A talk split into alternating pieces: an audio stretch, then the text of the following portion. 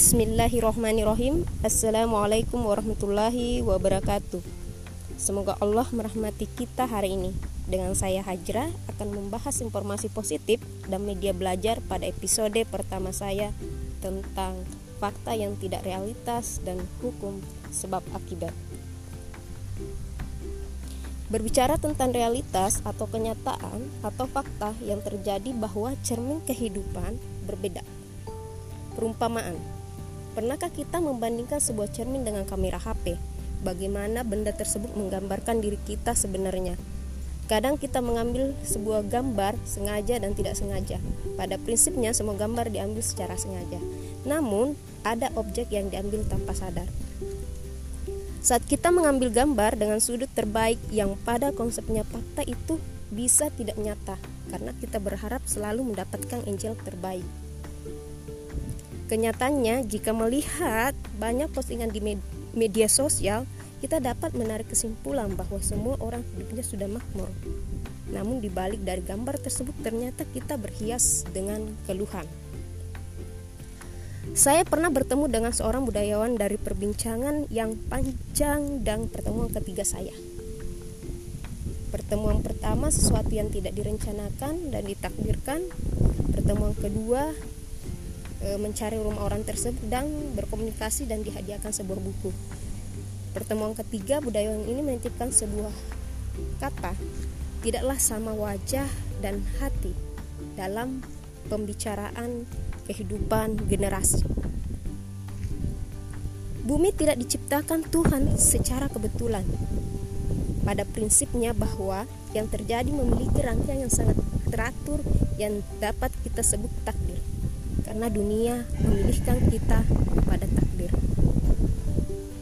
Jika kehidupan terlahir kebetulan, jika kehidupan terlahir kebetulan, maka hukum sebab akibat tidak berlaku. Nabi Adam alaihissalam dan bumi diciptakan karena sebab akibat. Begitu juga hidup kita ketika ada bencana seperti saat ini corona bahwa ada sebab akibat. Yang sangat penting kita lakukan adalah introspeksi diri ya introspeksi diri masing-masing dan bersikap bijak pada diri bahwa apa salah saya pada Tuhan. Karena kita tidak diciptakan untuk menilai orang lain tetapi saling menasihati dalam kegiatan. Sekian dari saya. Assalamualaikum warahmatullahi wabarakatuh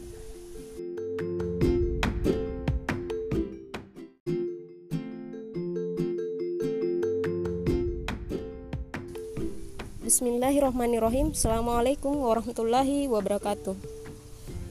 Semoga Allah merahmati kita hari ini. Dengan saya Hajra akan membahas informasi positif dan media belajar pada episode kedua Tentang menanggapi konspirasi virus corona dengan kontemplasi.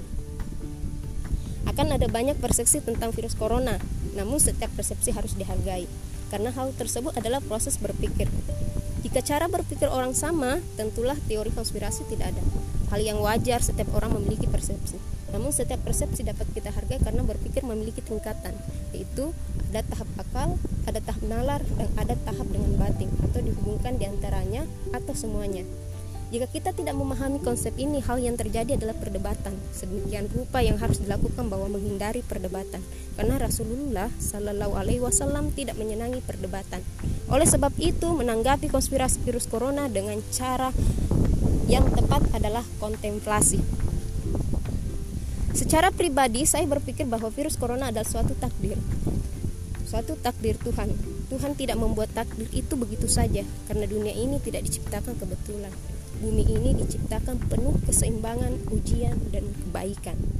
Coba sekali kita melihat dari lensa sama Nabi dan Rasul ketika konsep hidup sudah jauh dari konsep yang diharapkan Tuhan. Bumi pun menjelaskan isi yang ada di dalamnya bahwa sebagian besar manusia tidak pada konsep aturan Tuhan. Di semua negara, instansi, dan diri sendiri, perhatikanlah apakah keadilan sudah ditegakkan dengan benar Apakah membunda mensalimi orang itu hal yang wajar? Fitnah bertebaran, seks bebas, homoseks dipersilahkan, korupsi merajalela, orang berlomba mengumpulkan harta dengan cara tidak benar. Berbohong adalah kebanggaan. Semuanya karena kita lupa pada Tuhan. Kita lupa jika Tuhan itu satu. Apakah corona membuat sesuatu jadi tidak masuk akal dari Tuhan? Bagaimana rencana Tuhan membuat rencana manusia berantakan? banyak hikmah di sini. Carilah tentang politik, sosial, budaya, kesehatan, pendidikan, dan sejarah. Corona mengajarkan kita tentang hal tersebut. Jika manusia tidak mempercayai itu, suatu hari Tuhan akan membuat manusia menjadi percaya. Corona adalah hukum jahiliyah untuk manusia di bumi agar mereka kontemplasi bahwa hidup bukan untuk menghabiskan waktu dan bersenang-senang.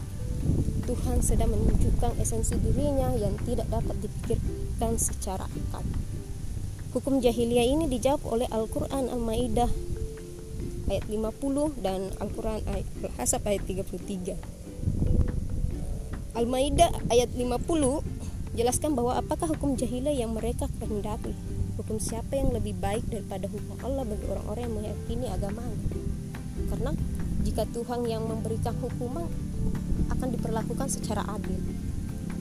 Kemudian Al-Hasab 33 Hendaklah kamu tetap di rumahmu dan janganlah kamu berhias dan bertingkah laku seperti orang-orang jahiliyah yang dahulu dan tegakkanlah sholat.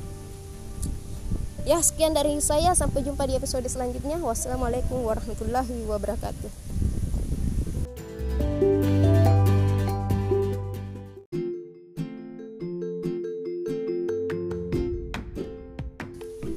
Bismillahirrahmanirrahim. Assalamualaikum warahmatullahi wabarakatuh.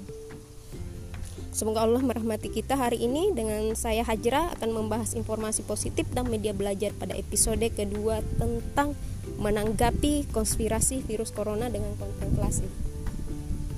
Akan ada banyak persepsi tentang virus corona, namun setiap persepsi harus dihargai, karena hal tersebut adalah proses berpikir. Jika cara berpikir orang sama, tentulah teori konspirasi tidak ada. Hal yang wajar setiap orang memiliki persepsi. Namun setiap persepsi dapat kita hargai karena berpikir memiliki tingkatan, yaitu ada tahap akal, ada tahap nalar, dan ada tahap dengan batin atau dihubungkan di antaranya atau semuanya. Jika kita tidak memahami konsep ini, hal yang terjadi adalah perdebatan. Sedemikian rupa yang harus dilakukan bahwa menghindari perdebatan. Karena Rasulullah Shallallahu Alaihi Wasallam tidak menyenangi perdebatan. Oleh sebab itu, menanggapi konspirasi virus corona dengan cara yang tepat adalah kontemplasi. Secara pribadi, saya berpikir bahwa virus corona adalah suatu takdir. Suatu takdir Tuhan. Tuhan tidak membuat takdir itu begitu saja, karena dunia ini tidak diciptakan kebetulan bumi ini diciptakan penuh keseimbangan, ujian, dan kebaikan. Coba sekali kita melihat dari lensa sama Nabi dan Rasul ketika konsep hidup sudah jauh dari konsep yang diharapkan Tuhan. Bumi pun menjelaskan isi yang ada di dalamnya bahwa sebagian besar manusia tidak pada konsep aturan Tuhan. Di semua negara, instansi, dan diri sendiri, perhatikanlah apakah keadilan sudah ditegakkan dengan benar Apakah membunda mensalimi orang itu hal yang wajar? Fitnah bertebaran, seks bebas, homoseks dipersilahkan, korupsi merajalela, orang berlomba mengumpulkan harta dengan cara tidak benar. Berbohong adalah kebanggaan. Semuanya karena kita lupa pada Tuhan. Kita lupa jika Tuhan itu satu. Apakah corona membuat sesuatu jadi tidak masuk akal dari Tuhan? Bagaimana rencana Tuhan membuat rencana manusia berantakan?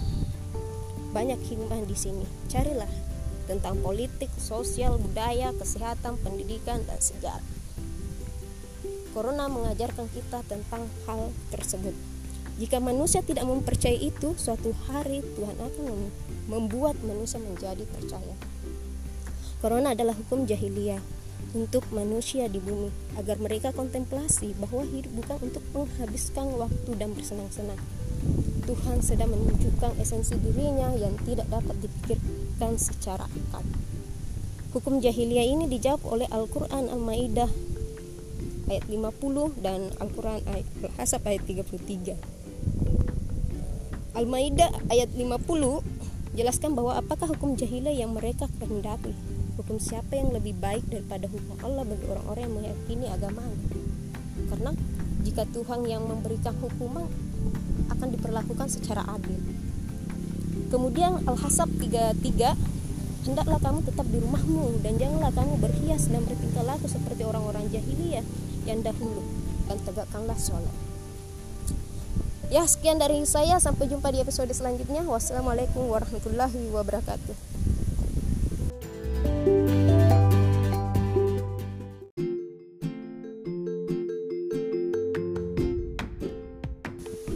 Bismillahirrahmanirrahim. Assalamualaikum warahmatullahi wabarakatuh. Semoga Allah merahmati kita hari ini. Dengan saya Hajra akan membahas informasi positif dan media belajar pada episode pertama saya Tentang fakta yang tidak realitas dan hukum sebab akibat. Berbicara tentang realitas atau kenyataan atau fakta yang terjadi bahwa cermin kehidupan berbeda. Perumpamaan Pernahkah kita membandingkan sebuah cermin dengan kamera HP? Bagaimana benda tersebut menggambarkan diri kita sebenarnya? Kadang kita mengambil sebuah gambar sengaja dan tidak sengaja. Pada prinsipnya semua gambar diambil secara sengaja. Namun, ada objek yang diambil tanpa sadar. Saat kita mengambil gambar dengan sudut terbaik yang pada konsepnya fakta itu bisa tidak nyata karena kita berharap selalu mendapatkan angel terbaik. Kenyataannya, jika melihat banyak postingan di media sosial, kita dapat menarik kesimpulan bahwa semua orang hidupnya sudah makmur. Namun di balik dari gambar tersebut ternyata kita berhias dengan keluhan. Saya pernah bertemu dengan seorang budayawan dari perbincangan yang panjang dan pertemuan ketiga saya. Pertemuan pertama sesuatu yang tidak direncanakan dan ditakdirkan. Pertemuan kedua e, mencari rumah orang tersebut dan berkomunikasi dan dihadiahkan sebuah buku. Pertemuan ketiga budayawan ini menitipkan sebuah kata, tidaklah sama wajah dan hati dalam pembicaraan kehidupan generasi. Bumi tidak diciptakan Tuhan secara kebetulan. Pada prinsipnya bahwa yang terjadi memiliki rangkaian yang sangat teratur yang dapat kita sebut takdir karena dunia memilihkan kita pada takdir. Jika kehidupan terlahir kebetulan, jika kehidupan terlahir kebetulan, maka hukum sebab akibat tidak berlaku. Nabi Adam alaihissalam dan bumi diciptakan karena sebab akibat. Begitu juga hidup kita ketika ada bencana seperti saat ini corona bahwa ada sebab akibat. Yang sangat penting kita lakukan adalah introspeksi diri ya introspeksi diri masing-masing dan bersikap bijak pada diri bahwa apa salah saya pada Tuhan. Karena kita tidak diciptakan untuk menilai orang lain tetapi saling menasihati dalam kegiatan. Sekian dari saya. Assalamualaikum warahmatullahi wabarakatuh